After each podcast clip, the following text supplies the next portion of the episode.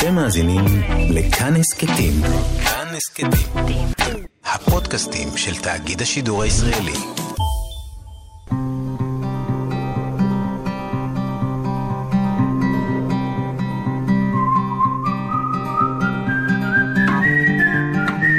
אחת פלוס חמש.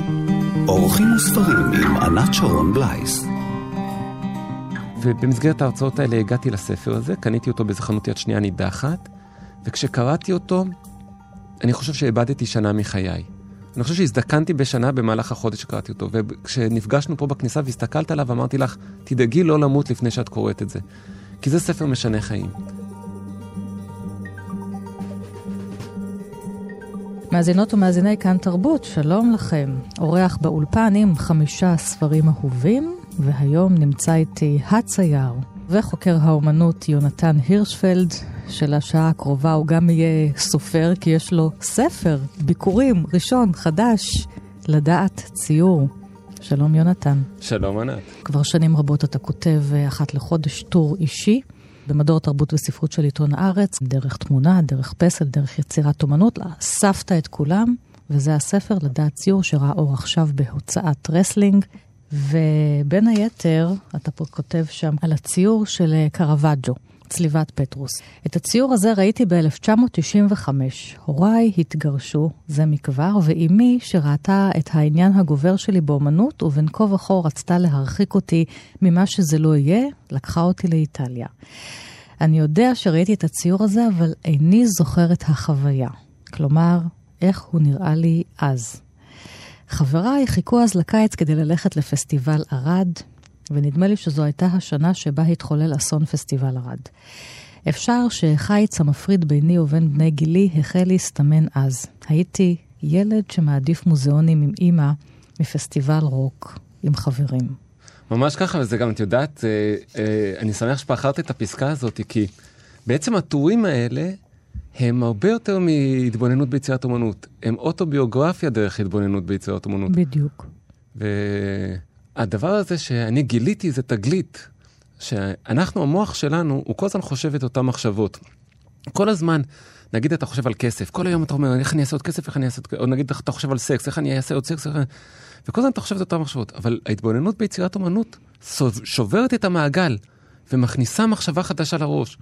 ואני חושב שהתמכרתי לדבר הזה, שאתה עומד מול יצירת אמנות וחושב משהו חדש, יוצא מעצמך. זה קצת דומה להתאהבות. שזה גם מה שאתה עושה בכתיבה שלך, זאת אומרת, אתה רוצה לדבר על יצירת אומנות או להציג אותה כפרויקט משותף של הצופה ושל היוצר. זה לא רק מה שהצייר יצר, אלא כמו שאתה אומר, איך אני או אתה מתבוננים ביצירה, ואיך כל פעם היא נולדת מחדש דרך המבט שלנו. ואז גם כל פעם יש לה פרשנות חדשה. אתה עושה פה לפעמים בספר שלך פרשנויות מרחיקות לכת, דרך המבט שלך והידע שלך. כן, את יודעת, אתמול יצא לי להתבונן בציורי קיר שעשה ברונו שולץ בגטו שבו הוא היה. הוא צייר לילדים של קצין האס.אס המקומי כל מיני שלגיה וכאלה. עכשיו, אם אתה לא יודע שעשה את זה עבד תחת איומי מוות, זה ציורים חמודים. אבל אתה לא יכול לא לדעת את זה, ולכן כן. הציורים הם מזרי אימה.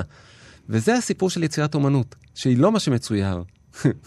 היא המפגש שלך עם הידע שלך, שאתה יודע שצייר את זה איש שאקדח מוצמד לרעקתו.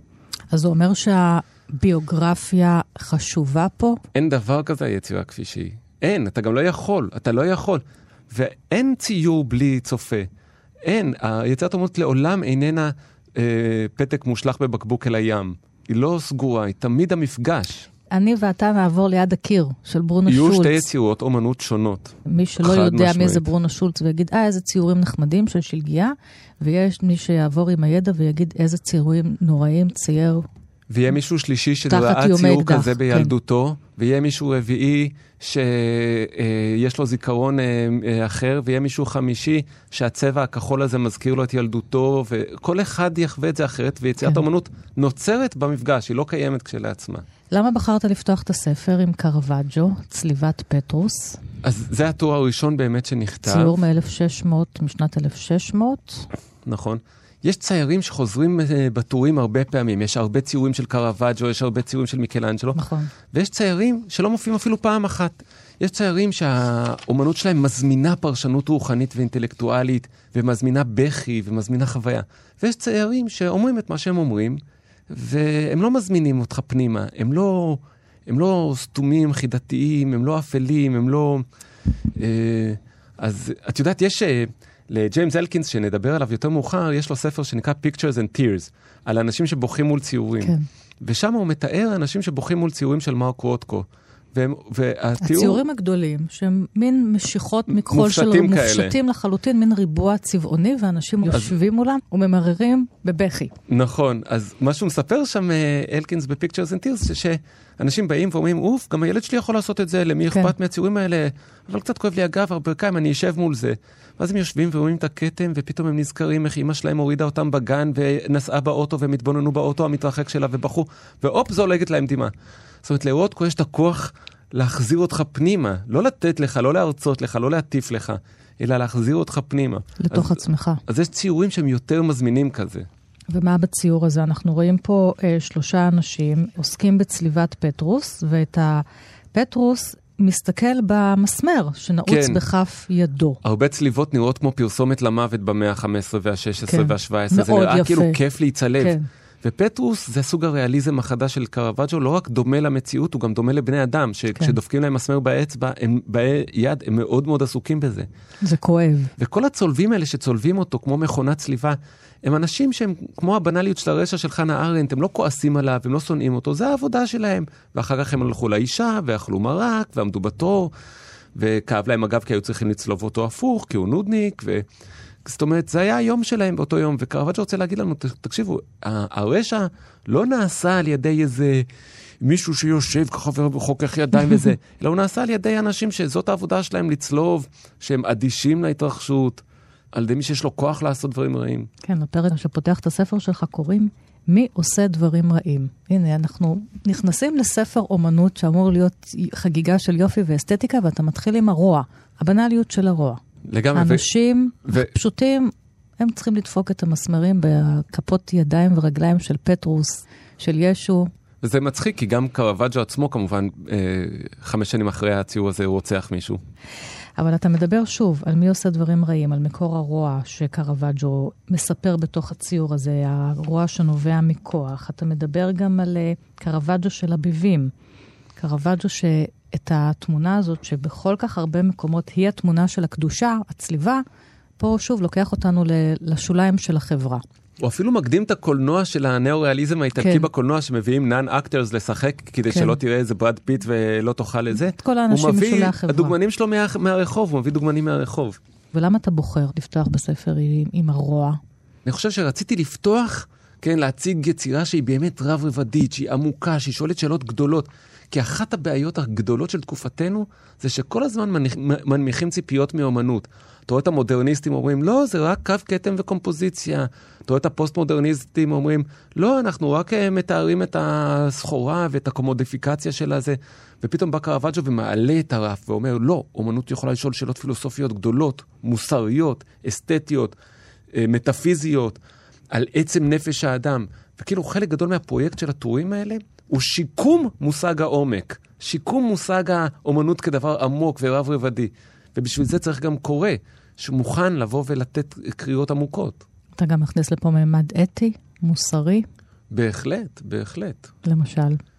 תראי, יצירת אומנות שפונה אל הצופה ואומרת לו, אתה לא זכאי לחוויה רוחנית ואינטלקטואלית עמוקה, אתה זכאי רק להטפות צודקות. יש לה השלכות מוסריות מאוד מרחיקות לכת. יצירת אומנות שאומרת לך, יש לך נפש, אתה עמוק, אתה זכאי לחוויה עמוקה, גם אומרת לך, השכן שלך הוא גם עמוק. אז אולי לא תרצח אותו, אולי לא ת, תתייחס אליו מגעיל. אם לך יש נפש, אם אתה הסתכלת על הקרוואג'ו הזה וראית את הרוחני, אולי גם חבר שלך יש נפש. אימא שלי תמיד הייתה אומרת לי כשהייתי קטן, כשהיא חוזרת מקונצרט, שכשיוצאים מהקונצרט אנשים יותר אדיבים ביציאה מהחנייה, כי זה מרכך את הנפש. וסיפרת קודם שקרוואג'ו הפך להיות רוצח. לגמרי. אז מי הוא רצח? הוא הסתכסך ב... 28 במאי אה, 1605, הוא הסתכסך עם מישהו, אה, זה, אוהבים להגיד במשחק טניס, אבל זה היה על יריבות.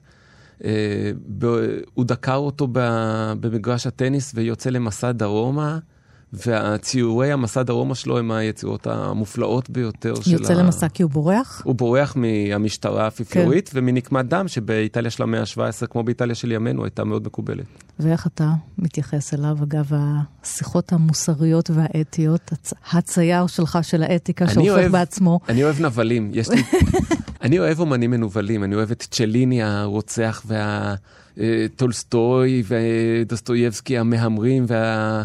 ואני לא כל כך אוהב אומנים אה, סימפטיים חביבים וזה, אה, נדמה לי ש... אני לא יודע, קשה לי להגיד איזושהי עמדה זה, אבל אני חושב ש... לא, אני לא יודע להגיד למה, אבל אני נמשך לדמויות האלה. לא י- להיות סימפטי. יצירה באה מיצר. אז נכון, היום אנחנו חיים בעולם אחר, וצריך להיות הרבה יותר, ואף אחד לא יקבל היום את מה שקיבלו אז, אבל אני חושב שזה נתן לנו צוהר לנפש פראית יותר. תחשבי על נוף פראי לעומת נוף אה, גן אה, מתורבת. ברור שגן מתורבת יותר נחמד, אבל נוף פראי זה אחרת. לא, אני לא אוהבת גנים מתורבתים, גם לא אצלי בבית, החצר אה, מופרעת. כמובן שרוב הספר שלך יש יצירות של אה, גברים, גם כי היא היסטורית. אבל יש לא מעט נשים, יחסית, כן. יחסית לספר שמתבונן בהרבה אומנות מאה 16, 17, כן. 18, יש הרבה, אליזבת אסרני ו... ארתמיזיה ג'נטילסקי, ויש הרבה נשים. ויהודית לייסטר. ג'ודית לייסטר, בטח. ציירת הולנדית, גם מהמאה ה-17, וכאן יש ציור מאוד uh, יפה שלה, לרגע הוא מזכיר את ורמיר, אותה תקופה. רואים אישה שהיא מוארת ורכונה אל רקמה שנמצאת בידיה, ומאחוריה מגיח גבר, גם עם הצל שלו. ומציע לה מעות, מציע לה כסף, היא לא מתייחסת אליו, היא שקועה בתוך המעשה ידיה. ההפך, מעצימה את ההתכנסות של הפנימה, פנימה, היא עוד כן. יותר פנימה. קוראים לזה ההצעה. ולרגע זה יכול להתפרש כמו למה הוא רוצה לתת לה כסף, מה הוא רוצה ממנה, הוא רוצה... זה לא לרגע, זה מיידית, זה הצעה מיידית, לסקס. מיידית, זה הצעה לסקס, היא לא מתבוננת בו. אנחנו רק מתבוננים בו ובה. היא מתכנסת לתוך עצמה. באמת ציור מקסים, ההצעה משנת 1631 של ג'ודית לייסטר. כן, לייסטר הייתה תלמידתו של פרנס האלס, ולמעשה היום במחקר, הרבה יצירות פרנס האלס שתלויות במוזיאונים, אנחנו אה, לא בטוחים אם זה האלס או היא. תראו, תראי, מעמד האישה בהולנד של המאה ה-17, זה לא ישראל של 2021. כן. המצב הרבה יותר קשה. ויש אה, אה, עוצמה אדירה בהתנגדות שקטה. ברור שהיא יכולה לקום ולבעוט בו ולצרוח וזה, אבל איפה במאה ה-17 היא תעשה את זה? לאן היא תימלט? והיא נמלטת למרחב הכי נשי של הרקמה הזאת, אבל היא מייצרת בועה כמו שריון סביבה בהתעלמות ממנו. וזה באמת ציור על הפגיעות. מצד הפג... אחד יש בו המון אלימות בגבר הזה, שאנחנו רואים רק את הפלג גוף העליון שלו, אבל גם את הצל שלו, זה ככה מעצים אותו.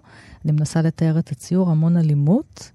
והיא ככה, גם עם החולצה הלבנה, מתכנסת בתוך עצמה, העדינות הזאת שרוצה רק לשמור. ממש, ממש. על עצמה, ואולי גם על מעשה האומנות כרקמה.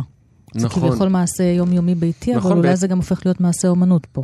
ו- ובמובן מסוים זה קצת היא. וזה בא לידי ביטוי אצל לא מעט ציירות, נכון? שבציור שלהן יוצרות את ההתנגדות אה, לאלימות של הגברים. זה, זה די מדהים. חלקן אפילו אולי נאנסו ונפגעו מינית. זה די מדהים כשמסתכלים על הציור של המאה ה-17, כמה הוא נועז. כמה הוא מבחינה נועז. מבחינה של אנשים. של אנשים. כמה הוא נועז, זה פשוט לא ייאמן לפעמים. אני זוכרת את החוויה בערך פעם בחודש, שזה מופיע ב... תרבות וספרות בעיתון הארץ. לא בהכרח אני תמיד קוראת את כל המדור, אבל כשאני רואה אותך שם עם הציור, אני עוצרת. זה זורק אותי החוצה מהיום-יום שלי. לפעמים אני הולך ברחוב ומישהי אומרת לי, אתה יודע שאני תולה על המקרר את הטור כן, שלך? כן. לפעמים אני אה, פוגש אנשים שלא ראי, ראו אותי בחיים, ולפעמים אה, אני מקבל למייל תגובות. כתבתי על איזה ציור ומישהו כותב לי, כשהייתי ילד ראיתי אותו וזה, ואני מקבל המון תגובות מאנשים, דווקא על האופן שבו הקריאה שלי היא אישית, כאילו.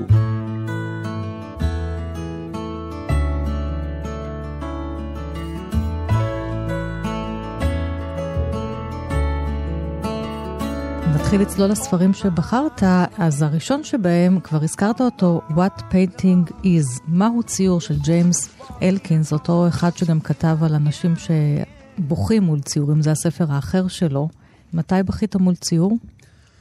אמ, אני לא יודע אם בכיתי מול ציור, אבל יצא לי פעם אחת לצעוק בקול רם הייתי במטרופוליטן בניו יורק, ואתה נכנס לחדרים האלה של אומנות המאה ה-17, ועוד איש עושה ככה, ואיש עושה ככה, ואיש מנגן בלאוטה וזה, והכל נורא משעמם, ועוד נוף, ושדה חיטה וזה. ופתאום אני עובר ואני נכנס לחדר של הרמברנטים, ואני רואה את דיוקן אנדריקה שטופלס עומדת, נשענת על היד שלה על הדלת של רמברנט, ואני מסתובב ואני צועק לאנשים, מה זה? מה זה עושה כאן? מה זה קשור למאה ה-17? מה זה? הלו, מה זה? הוא חייזר האיש הזה, מה זה רמברנט? כל המושג התמונתי שלו, ההיגיון התמונתי שלו, כל הנחת הצבע שלו זה לא מאה ה-17. הלו, זה חייזר, מאיפה הבאתם אותו? ופתאום קלטתי שאני צועק בעברית באמצע המטרופוליטן, וניגשה אליי הגברת, שאומרת? Sir, this is very unacceptable. פתאום קלטתי שקצת השתגעתי מהציור. אנשים משתגעים מציורים אגב. יש היסטוריה גדולה של אה, מה שנקרא סינדרום סטנדל, של אנשים ש... אה, בזמנו כשסטנדל הגיע לאופיצי, הוא, הוא, הוא חטף פיק... הסופר פיק, הצרפתי. הוא חטף פיק פרקיים ונפל מול הרפאלים. וכל שנה באיטליה יש uh, דיווחים על 60-70 תיירים שמגיעים עם סינדרום סטנדל, רואים את היצירות מופת ו... ונופלים ומתעלפים. נופלים ומתעלפים. אז uh, what painting is? זה אולי הספר, תראי, יש מבחן שבו אפשר לבחון את ההשפעה של ספרים על חיי, והוא מבחן הפתקים הצהובים. הספר כולו מלא מלא מלא מלא בפתקים צהובים. פשוט כמעט כל פסקה מקושקש. פה אה, היא... אני, הספר הזה שינה את חיי. אלקינס מנסה לשאול את השאלה, איך זה קורה שמישהו מורח פיגמנטים אה, עם צבע שמן על בד, וכעבור 300 שנה אתה עומד מול זה ומתרגש. מה קורה פה? מה זה הקסם הזה? הוא, הוא שואל מהי האלכימיה הזאת, האלכימיה. והוא פונה לאלכימיה, והוא מפרק את תולדות הציור. ובספר הזה יש תמונות קלוז-אפ שכמותם לא ראיתי מימיי, של איך נראה ציור כשמצלמים אותו, כשמצלמים אותו לא ממול, אלא מהצד, ורואים את השכבות של הצבע בגלזורות כן. אחת אחרי השנייה. וזה ציור, זה ספר שנכתב בכזו אהבה לציור, והוא ממכר.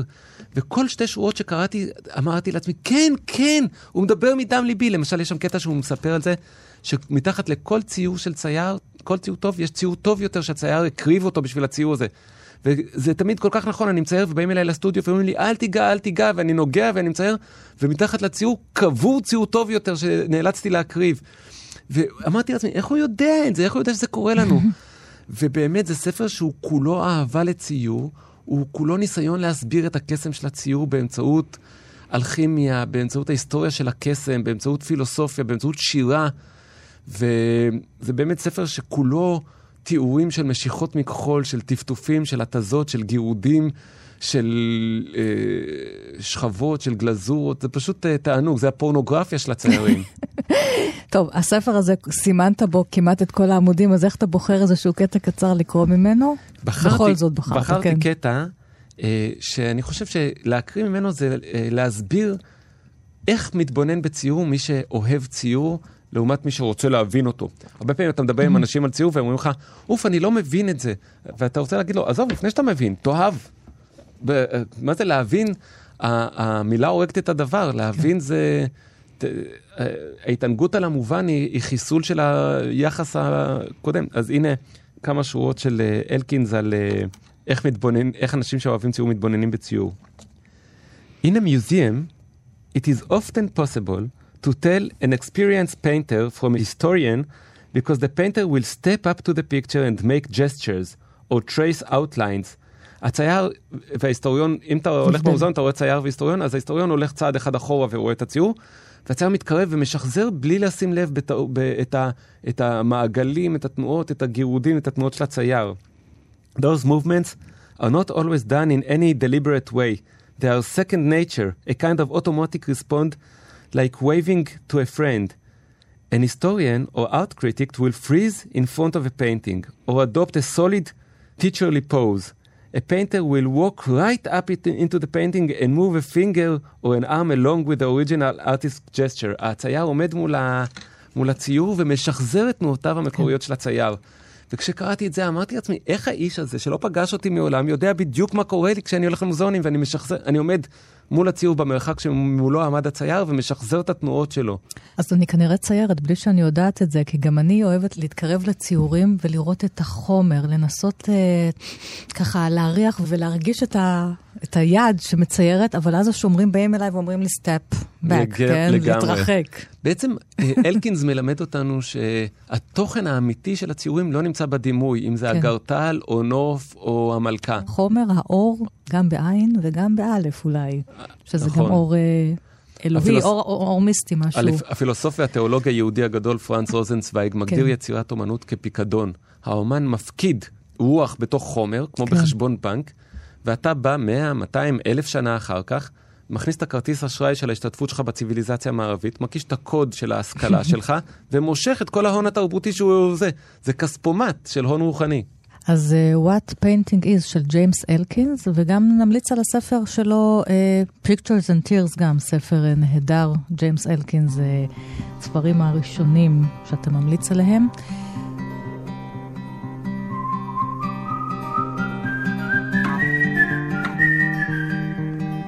ומכאן נלך לספר השני שבחרת, הרומן של יורם קניוק היהודי האחרון, מין רומן שמנסה לעשות איזושהי היסטוריה אלטרנטיבית של היהדות, מין מיתולוגיה דרך אה, חלוץ, אבן עזר, הגיבור, שעוזב את פלסטינה, חוזר לאירופה בעצם ערב מלחמת העולם השנייה, ובמקום להיגאל הוא כמעט אה, מת אה, בשואה, הוא גם מאמץ שם איזה בן, ומכאן אה, קניוק בעצם טורף את כל הנושא הזה של חלוציות ומלחמת השחרור שהוא השתתף בה, והשמדת היהודים, וההיסטוריה היהודית, והולך לשבתאי צבי, משיח השקר, מלא דמויות, מנסה לנסח את היהדות מחדש, וחשוב להזכיר פה, אגב, קניוק, זה שבשלב מסוים הוא הגיע ליום אחד למשרד הפנים וביקש להוציא את המילה יהודי מתעודת הזהות, את הלאום. אני לא חושב שיש סופר יותר יהודי ממנו בספרות העברית. אבל הוא ביקש למחוק את זה נכון. מתעודת הזהות שלו. ואתה היית שכן שלו קצת. כן, אני ב-2002-2003, אה, הייתה לי אהובה ברחוב בילו 13, עוד, עוד הייתי סטודנט בבצלאל, וקניוק היה מוכן לסבול את נוכחותי אם אני מביא אותי איתי אותה, ואנחנו היינו יושבים ומבקרים אותו, והוא היה מספר לנו סיפורים. ונפשי נקשרה בנפשו, ופעם אחת כתבתי סיפור קצר והבאתי לו לקרוא. והוא אמר לי, מר הירשפלד הצעיר, הסיפור שלך מאוד חכם, יש חוכמה, קראת ספרים ואתה יודע דברים, ואני מרגיש הרבה פלפל שחור והרבה אה, פטריות כמהין, ויש הרבה רוטב וזה, אבל אני חייב לשאול אותך, איפה התרנגולת? אתה נותן לי רק רוטב ותבלינים, איפה התרנגולת לעזאזל?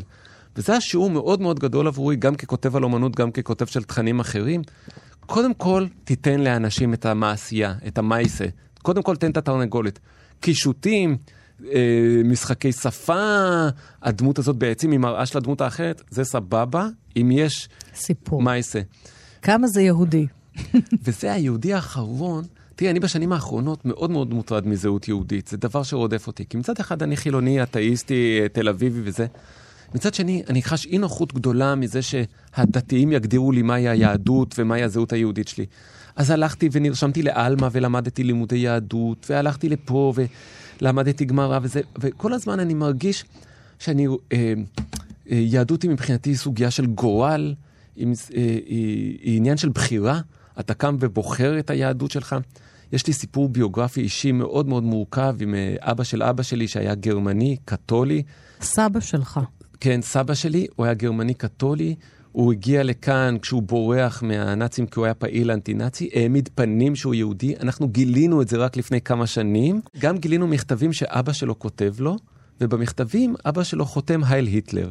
אבל איך הוא כותב... זאת אומרת, סבא רבא שלך. כן, והוא כותב לו, אתה חייב לחזור לשרת את המולדת, בלה בלה בלה, וחותם הייל היטלר, אבל איך הוא כותב היטלר? בשגיאת כתיב. היטלר ב-T1, כלומר, אף אחד, אה, היטלר בדאבל טי. כן. זאת אומרת, אף אחד לא כותב היטלר בשגיאת כתיב ב-42-43, רק מי שרוצה להגיד לו, שמע, כל מה שכתבתי פה זה בבלת. אה, והרעיון הזה של לכתוב את אירופה בשגיאת כתיב מאוד נוכח בציור שלי כצייר, זה בערך מה שאני עושה כצייר. מאוד נוכח באופן שבו אני קורא את אירופה, את קרוואג'ו וזה דרך, לקרוא את קרוואג'ו דרך פלורנטין, כן? זה, זה לכתוב היטלר בשגיאת כתיב.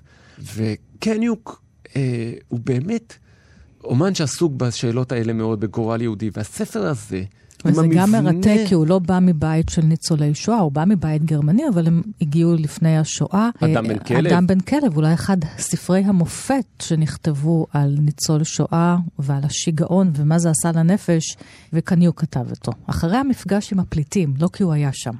לגמרי. והספר הזה, היהודי האחרון, יש בו משהו שהוא חיבור למיסטיקה יהודית, רבי יוסף דה לרינה שמנסה להפוך להיות השטן בעצמו כדי להפוך את הגאולה. זה בעצם, והכתיבה הקולאז'יסטית הזאת שקרואה מאנשים שמקריאים לטייפ וגזורה, וזה כמו קולאז' ענק, קולאז', זה, זה, נכון. זה, זה, זה, זה ספר, זה רומן שהוא ציור. זה רומן שהוא הקפלה הסיסטינית של הספרות, הדבקות של דימויים כן. אחד ליד השני. באמת אה, רומן מופלא, עוין את הקורא, הוא לא נותן לקורא, הוא לא נותן לקורא, זה לא... אה, אין פה בידור, אתה לא יכול לשבת בשקט כן. ולנוח איתו. אתה כל הזמן פעיל, פעיל, פעיל, מנסה להבין מה קורה ממש. פה, וכל הזמן מתמודד גם עם ה- מה זה היהודי האחרון. מי הדובר? מה- מי היהודי? מי הגיבור, הגיבור? הגיבור, אותו אבן עזר, שמגיע לאותו מחנה ריכוז, כאילו בטעות, אה, חושב שהוא היהודי האחרון, ולכן הוא מוחק את הזיכרון שלו, כדי שישמר את את האחרים. הזיכרונות של כל האחרים. נכון. של כל היהודים, כי הוא חושב שהוא השורד האחרון. ואולי זו מטאפורה למה האומנות צריכה לעשות. כן. האומן צריך להעלים את עצמו כדי לתת את הנוכחות של ה... אז מה אתה קורא מהספר אני אקריא פסקה... האינסופי הזה, עם כל כך ממש, הרבה? אני אקריא פסקה קטנה שמתארת אה, גבייה. אתה גם אוהב לצייר את עצמך בתור גבייה. זה נכון. כי אני מאמין. שבאומנות אתה צריך להיוולד ולמות ולהיוולד מחדש. בחדר מהודר ואפלולי שכבה גבייה לבושה היטב. צבועה ומאופרת, ואפילו הנעליים שלה היו מצוחצחות. מוזיקה חרישית ונוגה שמשהו מתכתי הצטלצל בה ונשמעה ברקע. אישה לבושת שחורים ועטופת צעיף, משי שחור ועדין, הניפה מעט את שולי צעיפה והביטה בסם. היא לא הביטה אל ריבה ריבה, ומיד הורידה את הצעיף. סם חייך אליה, חיוך של השתתפות, אבל האישה רק נענעה בראשה בעצב מבוית, והתבוננה במת. פשוט אה, צריך גם להגיד על קניוק, אני- אה, קניוק, בתחושה שלי, בשיחות שלי איתו, הוא היה מאוד מריר. הוא לא קיבל פרס ישראל, אה, לא קיבל את המקום שלו, את ההערכה שלו. צריך להגיד, אם יש לי הזדמנות פעם אחת לבוא לרדיו ולהביא ספר, אני אביא את קניוק, כי מה שקראתם כרגע, הפסקה הזאת שקראתי, היא טור דה פורס של כתיבה. זה פשוט, איך, איך בכלל מישהו מתחיל משפט בחדר מהודר ואפלולי שכבה גבייה לבושה היטב? זה אה, באמת... זה ציור. זה ציור. הוא אגב צייר ב, אה, לאורך שנים, והוא כן. ח, אה, באמת חי חיים די מדהימים. פעם אחת הוא אמר לי, אה, על מה תכתוב ספרים, הירשפלד? על מה? על זה שהלכת ל-AMPM ולא היה אה, אורז בסמטי? על מה תכתוב? לך, תתפטר מהעבודה, תעזוב את בצלאל, אז הייתי סטודנט, ותעבוד בספינת דייג במיסיסיפי, תחווה כמו משהו. שהוא עשה, הוא היה, עזב אחרי המלחמה, ורצה גם לברוח מפה והיה עבד על ספינה. תחווה משהו, כן. הוא אמר לי. אז באמת, אה, צריך לתת נייר לו את המקום. זכוכית, זה הרומן האוטוביוגרפי שלו על החיים שלו, ב... אגב, יורק. בניו יורק, בהרלם. לגמרי. אוהב ניירות זכוכית? מאוד, כי כי הם משייפים. כי הם משייפים. החיים על נייר זכוכית של יורם קניוק, היהודי האחרון, זה הספר השני שבחרת.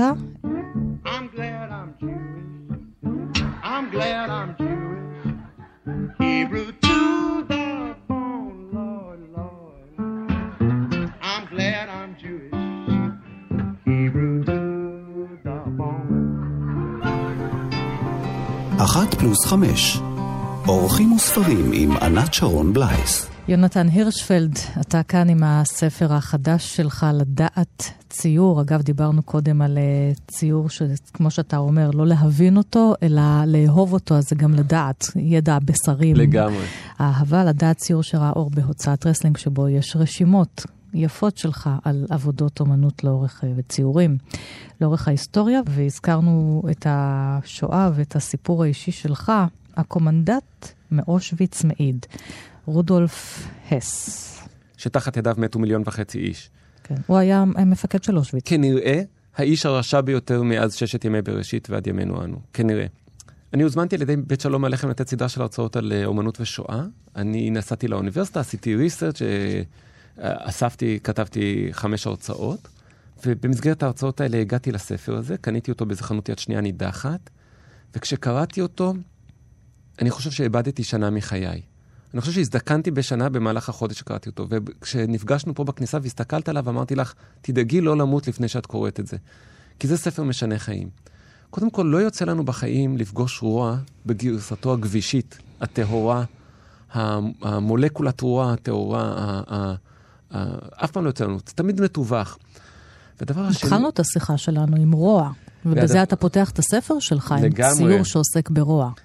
והקשר בין הפרויקט הנאצי לבין אומנות הוא קשר עמוק מאוד. הייתי אומר שכל הפרויקט הנאצי הוא ניסיון להפוך את העולם ליצירת אומנות. לעשות אסתטיזציה של המרחב הפוליטי, לעשות אסתטיזציה של המרחב העירוני.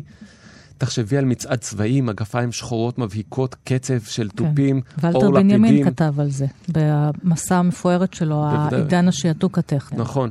ובאמת- הפשיזם זה אסתטיזציה של הפוליטי, ומזה ובאמת- תיזהרו. ובאמת, מה קורה, מה קורה למטאפורות בעולם הנאצי? כשאני אומר למישהו, אתה חתול או אתה שועל, זה מטאפורה. כשה, כשהגרמנים אומרים, היהודים הם עכברים, צריך להדביר אותם, זו לא מטאפורה. הם מדבירים אותם. כן. קארל קראוס, זה ליטרלית. קארל קראוס כותב על אובדן המטאפורה בעולם הנאצי, שהוא ראה ברחוב שני אה, קציני אס אס תופסים יהודי, פוצ- פוצעים אותו וזורים לו מלח על הפצעים, כמו בביטוי לזרות מלח על הפצעים. זאת אומרת, השפה קורסת לתוך העולם, והכתיבה של הס מהממת. הוא כותב ספרות פלאית, כמו פלובר. זה ברמה של פלובר. התיאורים שלו, של איזה יהודי שמסתכל לו בעיניים ואומר לו, אני ידעתי שאתם לא שולחים אותנו לגזים. ואתה אומר... זה, צריך לומר, שוב, זה ספר שהוא כתב. זה בכלא. כמו, כמו יומן שלו, כן? זה לא שכתבו עליו. חד משמעית. כן. חד משמעית. זה הוא כותב בכלא. יש כאן תיאורים שיכולים להקפיא את הדם בעורקים לאדם הקשוח ביותר. מדובר בבן אדם בעל כישרון כתיבה. תראו, תראי, לא כל אחד יכול להיות מפקד אושוויץ. צריך לבחור אותו בפינצטה ממיליוני אנשים. כל בן אדם אחר היה מתאבד אחרי חודש, חודשיים. כן. לא כל בן אדם יכול לעמוד ליד תאי הגזים ולראות אימא מחזיקה את ילדיה ואומרת לו, איך אתה יכול לקחת ילדים יפים כאלה לתוך תא הגזים? איך אתה יכול? ולהגיד לה, יאללה, יאללה. לא כל אחד יכול. וגם לא כל אחד יכול לשבת בכלא ולא לחוש אשמה, ולא לחוש... אה, את יודעת, אני לפעמים מתנהג לא יפה לאיזה מישהי בסופר, לקופאית או משהו, אחר כך כל היום אני חושב על זה, למה אמרתי לה ככה כן, זה. נכון. הדבר הכי קטן. והאיש הזה אין לו רגשות אשם על מיליון וחצי ועל ילדים שהוא דחף לגזים. הכתיבה של ההס מהממת, והיא מלמדת אותנו שיעור חשוב מאוד, אני חושב, על אה, אסתטיקה ואתיקה, שאנחנו צריכים להיות ערים אליו מאוד. אנחנו צריכים להיות כל הזמן ערים לכך שאנחנו מבלבלים לפעמים את היפה עם הטוב. אנחנו מבלבלים לפעמים. אה, וזה, אה, צריך להיות מאוד מאוד ערים לזה שאנשים רעים לא נראים כמו דארת ויידר. אנשים רעים לא נראים כמו בשר הטבעות, עכבישים וזה. אנשים רעים נראים יפה, מסורקים, דוגמנית, אה, פוליטיקאי, מעונב, מאופר, והכל, ו- ומדברים ברהיטות. זאת אומרת, צריך להיות מאוד ערים לזה. אה, זה שיעור גדול מאוד בחיים שלנו. ומה אתה קורא מכאן? כל כך הרבה עמודים מסומנים אצלך מהספר הכל כך קשה הזה, שאני מניחה שאנחנו מדברים בו עכשיו, אבל יהיו אנשים שאולי ירצו אני- לדלג עליו. אני אקרא פסקה שאני לא יודע אם היא יכולה להשאיר עין אחת יבשה, ואחר כך אני אגיד עליה כמה מילים. גם ערה, כותב רודולף אס, מפקד אושוויץ, גם ערה, כן, הוא מספר כמו, כאילו הוא יושב איתנו בבית קפה, גם קרה, כן, גם ערה, ונשים, בשעת ההתפשטות, פרצו פתאום בזעקה נוקבת. היו תולשות את שערן ומתנהגות כמוכות שיגעון. שימי לב לטון השיפוטי. כן. למה אתן מתנהגות כמוכות שיגעון? רק דוחפים אתכם לתא גזים. ומתנהגות כמוכות שיגעון. חיש מהר היו מוציאים אותן החוצה והורגים אותן מאחורי הבית בירייה בעורף מרובה קטן קליבר. עכשיו שימי לב למשפט הבא.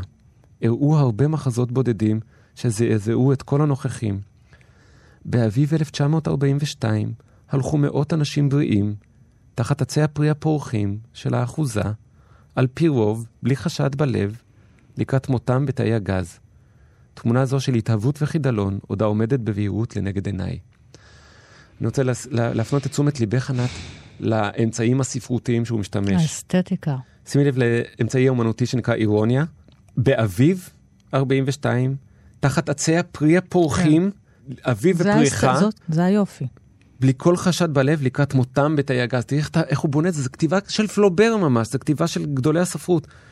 ואני רוצה להפנות את תשומת ליבך לא, לאופן שבו הוא אומר, אה, אה, הרבה מחזות בודדים שזעזעו את כל הנוכחים, אבל הוא לא אומר זעזעו אותי.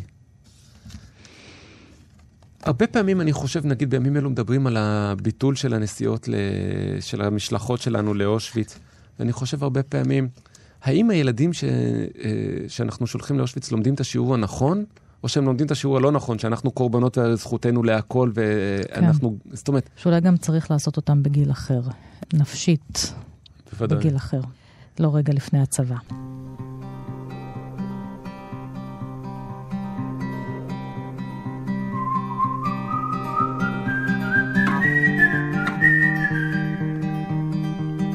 בואו נחזור ל-1520.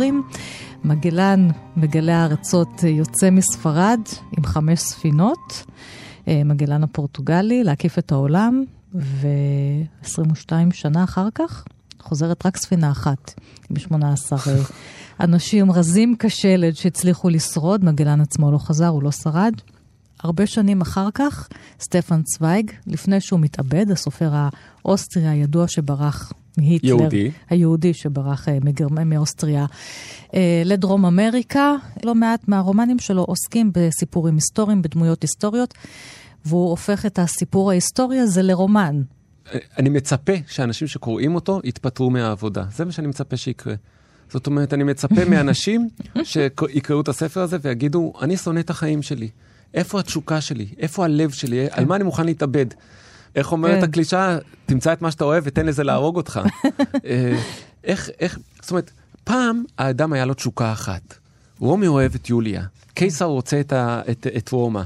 האדם היה לו תשוקה אחת. פתאום אנחנו האדם המודרני, יש לנו מיליון תשוקות, אני רוצה משחת שיניים, אני רוצה קורנפלקס, אני רוצה אוטו, אני רוצה את רינה, אני רוצה את רוחמה. הלו, מה נהיה? על מה אתה מוכן למות? מה יקר לך? כשאני קראתי את מגלן, משהו עמוק בתוכי הזדעזע, עמוק. כי אתה אומר לעצמך, אם אדם שאין לו אובייקט, שאין לו דבר, משהו מוכן למות בשבילו, למה אתה חי?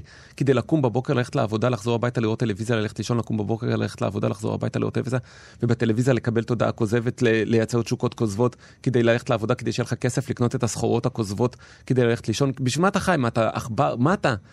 ובאמת, לפעמים אנחנו מאבדים את המרכז, ואנחנו מתעסקים בטפל. כמה אפשר להתעסק בפוליטיקה או בתרבות פופולרית? ראיתי את הסדרה הזאת, לא ראיתי את הסדרה הזאת. והנה מגלן מציב בפנינו סובייקט חדש, זה הסובייקט של הרנסאנס. מגלן הוא כמו מיקלאנג'לו, מגלן הוא כמו קרוואג'ו. מגלן הוא האיש הזה שיש לו חזון, הוא רוצה להקיף את העולם. יש לו סוד שהוא יודע על איזה מעבר. אגב, הסוד הזה הסתבר בספר, מתגלה בסוף שזה טעות, שהאנשים שעליהם הוא נסמך לא באמת חצו, ב... לא באמת, הם לא מצאו את המיצרים, הוא מצא אותם. זה ספר על איך להיות בן אדם, על איך לתת מקום מרכזי לתשוקה שלך, על איך אתה לא בן אדם אם התשוקה לא מוליכה אותך. זה על הספר. איך אתה אוכל מפרי עץ הדעת, נאמר. ממש. גם אם המחיר שלך יהיה הגירוש. ממש. תראי, אנחנו בעידן שלנו ממעטים להגיד את המילה כישרון. זה כבר לא אופנתי להגיד כישרון. כשאני הייתי סטודנט בבצלאל, לעגו לאומנים מוכשרים. זה היה מילת לעג. המוכשרים. שילכו לחוג לאיור שיעשו כן. ספרי ילדים. וכאילו הכישרון, מה זה כישרון? אבל, מגל, אבל כאילו שטפן צוויג זה כישרון. את כל, כל שורה, כל כתיבה, הוא מוליך אותך, הוא מושך אותך, הוא מפתה אותך. זה גם עוסק במה זאת ידיעה, ומה זה אי ידיעה, שוב, אגב השם של הספר שלך. מה אנחנו בכלל יודעים שאנחנו יודעים? אולי אנחנו טועים כל הזמן, וגם בזה מגלן עוסק. בטח. מה הכנסייה כופה עליי את הידע שלה? אני הולך לדעת מחדש את העולם, ואולי אני גם לא יודע אותו. תראה, אני בשנים האחרונות קורא הרבה ביוגרפיות רנסאנס. קראתי, אני קורא עכשיו ג'ורג'ונה, אה, ביוגרפיה של ג'ורג'ונה, קראתי עכשיו את אה, אייזקסון על ליאונרדו. קורא הרבה ביוגרפיות, אה, קראתי עכשיו גם ביוגרפיה יפה על מקיאוולי, אני קורא הרבה ביוגרפיות על הרנסאנס. ואחד הדברים שהופכים את הביוגרפיות של אנשים מהרנסאנס לכל כך מעניינות, זה שלפני חמש דקות בימי הביניים לא היה לנו מושג של סובייקט הירואי, כן. כן. שמוכן למות על האמת שלו ולהתאבד עליה, ושיש לו משהו יקר, ושהוא תופס משהו כזה, ותוך חמש דקות אנחנו בלאונרדו שיוצא נגד הכנסייה, אה, גלילאו שיוצא נגד הכנסייה, מגלן, פתאום יש לנו סובייקט חדש, ולהתבונן בתהליך הלידה של האני המודרני הזה.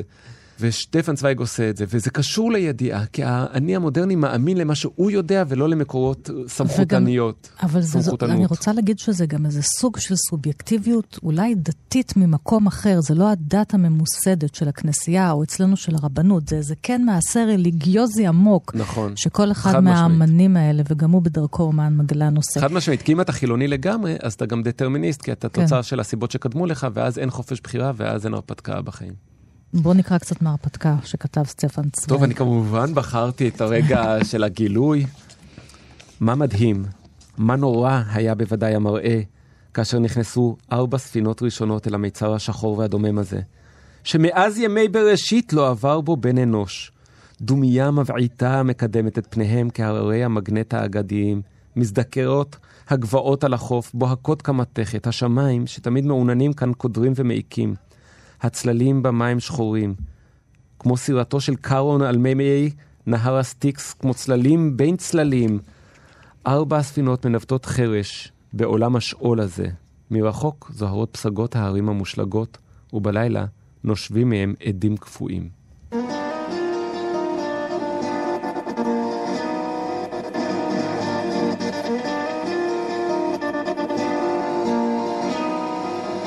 והספר החמישי והאחרון, אה, יונתן, שוב אנחנו נסגור עם אנגלית, A New Theory of Everything של אה, גרם הרמן.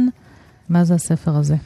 תראי, הרבה פעמים כשלומדים פילוסופיה, כשחושבים על פילוסופיה, אז חושבים על פילוסופיה של פעם. פעם פילוסוף קאנט, פעם פילוסוף דקארט, פעם פילוסוף שפינוזה. אבל כשאת מזמינה אותי לדבר ואני מביא את גרם הרמן, זה הפילוסופיה של עכשיו, עכשיו, הבן אדם חבר שלי בטוויטר. זה, זה פילוסוף שחי עכשיו, וזה הכי cutting edge שיש. והפילוסופיה של גרם הרמן נקראת Object Oriented Ontology, זאת אומרת, אונתולוגיה, השאלה מה יש, של החפצים, של האובייקטים. אני אנסה ללמד משהו קטן עכשיו בשלוש דקות. אם אני אצליח ללמד אותה, אז גם לא צריך את הקטע קריאה. אה, אולי, אולי אפילו זה יהיה יותר טוב מהקטע קריאה. אנחנו חושבים שיש בעולם אה, אירועים, כמו למשל שאני אה, מנער בקבוק קולה ופותח אותו והקולה משפריצה, זה אירוע, ויש בעולם דברים, למשל הר, נגיד החרמון הוא הר, הוא דבר. והרמן אומר, זה סתם שוביניזם, אפליה של אה, זמן וחלל לראות את הדברים ככה. שהרי הר הוא אירוע של שני גושי אדמה שמתנגשים אחד בשני ונמעכים ועולים למעלה. זה פשוט לוקח המון זמן ומאוד גדול, אבל זה אירוע. ואם... וההשפרצה של הקצב של הקולה, אם אתה תקטן לגודל של... אה, ותראה את זה בגודל... תהיה פיצי בגודל של אטום, כמו גוליבר, ואתה תראה את זה, אז הדבר הזה יהיה לך כמו הר, ואתה תחשוב שזה דבר כמו בעולם. הר געש שמתפרץ. זאת אומרת שבין אירוע לאובייקט אין שום אה, הבדל. זה רק השוביניזם של הגוב... קנה, קנה מידה שלנו. זה פשוט ההבדלה של הקנה מידה שלנו. ברגע שאתה מבין את ההברקה האחת הזאת, אז אתה מבין שכל העולם הוא בעצם דברים, objects. ואפשר לראות את העולם לא דרך הפרספקטיבה של אני, אני חושב, אני רואה, אני מבין, וכל הדברים האלה, אלא אתה מבין שכל דבר הוא תרכובת. ומה קורה כשאני רואה ציור של אגסים של סזן? האירוע הזה של צפייה באומנות היא אובייקט, היא יצירת האומנות. האירוע של הצפייה הוא האובייקט. אה, ואז אני רוצה לסגור איתך את השיחה על אה, תחריט. תרדמת התבונה מולידה מפלצות. של גויה. גויה. לא יאמן שכתבתי על זה, זה אה, תחריט כן, שכל כך הרבה אוהבת. כתבו עליו, כל כך מפורסם. אני בדרך כלל בוחר איזו יצירה איזוטרית קטנה, אני לא נכנס למקומות כל כך מוארים אני רגע ושטופי טקסט. מתארת, רואים פה אה, איש אה, רוכן על שולחן, כנראה נרדם על השולחן, כשמתחתיו יש איזה דף וכלי כתיבה, ומאחוריו כל מיני ינשופים או עטלפים ואפילו חתול אחד, אבל הם טיפונת נראים קצת מפלצתיים. ומה קורה כשהתבונה שלנו ישנה גויה? שואל פה בציור הזה. אז על גויה אפשר, מקובלות שתי פרספקטיבות. פרספקטיבה אחת אומרת, גויה הוא אומן של הנאורות הספרדית, כמו שיש enlightenment ב... בארצות אחרות, ויש בצרפת, ויש ב Aufklärung בגרמניה, הוא הנאורות הספרדית. 1798 הוא עשה את היצירה. והוא כאילו, אה, כן, זה ממש שיא הנאורות, וכמו אומני המהפכה הצרפתית, כן, והוא בעצם מבקר את אה, תרדמת התבונה. זאת פרספקטיבה אחת. פרספקטיבה אחרת, והיא מקובלת באותה מידה, אנשים אומרים, מה פתאום? גויה אומן של הנאורות? אתם השתגעתם? גויה זה רומנטיקה. גויה זה אפלה, גויה זה הציורים השחורים, גויה זה מכשפות, גויה זה כישופים, גויה כן. זה אפלת הלילה, גויה זה לא... ביקור... זה, זה לא התבונה, זה, ה... זה ביקורת התבונה. זה לא הנאורות, זה ביקורת הנאורות, זה הרומנטיקה, זה, הק... זה כן. חוסר אמונה במדע ובקדמה. אבל אני חושב שלנו יש מספיק מרחק בשנת 2021 להגיד, גויה לא עובד אצל תיאורטיקנים. גויה לא עובד אצל היסטוריונים של האומנות. גויה הוא אדם שמכיל שניות. אהובתך אומרת לך, בוא נעבור לגור ביחד. אתה רוצה, כי אתה אוהב אותה, אבל בה בעת אתה חושש, יש לך לאבד את החיים שלך לבד, שהם נעימים וזה. אנשים הם לא או, או כן או לא. אנשים יש להם שניות. הם, גם וגם, אני תמיד אומרת, אנחנו תמיד גם וגם, אנחנו- גם מלאכים וגם מפלצות. לגמרי. וגויה הוא גם אדם של הנאורות, והוא גם ביקורתי מאוד כלפי הנאורות. הוא יודע שהנאורות לוקחת את המשוגעים ושמים אותם בבתי משוגעים. הוא יודע שהנאורות היא רצחנית וקטלנית, ואף אחד לא אכזרי יותר מהנאורות. אז גויה מבין את זה, ויש לו שניות, אבל הוא עושה פה משהו נורא יפה בתרדמת התבונה.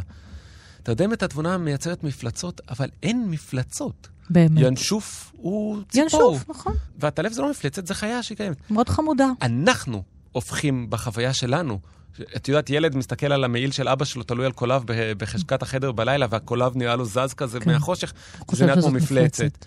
אין מפלצת, יש אתה מייצר מפלצת. זה קשור גם לגרם הרמן כמובן, זה קשור לעובדה שהעולם אינו אה, דברים, אלא נוצר אובייקט במפגש שלך עם הדבר, והאובייקט החדש הזה הוא מפלצת. אתה חוזר פה גם לעניין האתי, אם נסכם, לעניין האתי והמוסרי, זה גם שתפקח את העיניים ותהיה ער, אולי דווקא אז תשים לב למפלצות האמיתיות. לגמרי, במקום להתעסק בעטלפים ובינשופים. מדומים בלילה, באפלת הלילה. תפקח את העיניים, אגב אפלטון, ותראה את המפלצות האמיתיות. תודה רבה לך. הצייר. וחוקר האומנות יונתן הירשפלד, הספר החדש שלך, לדעת ציור ראה אור בהוצאת רסלינג.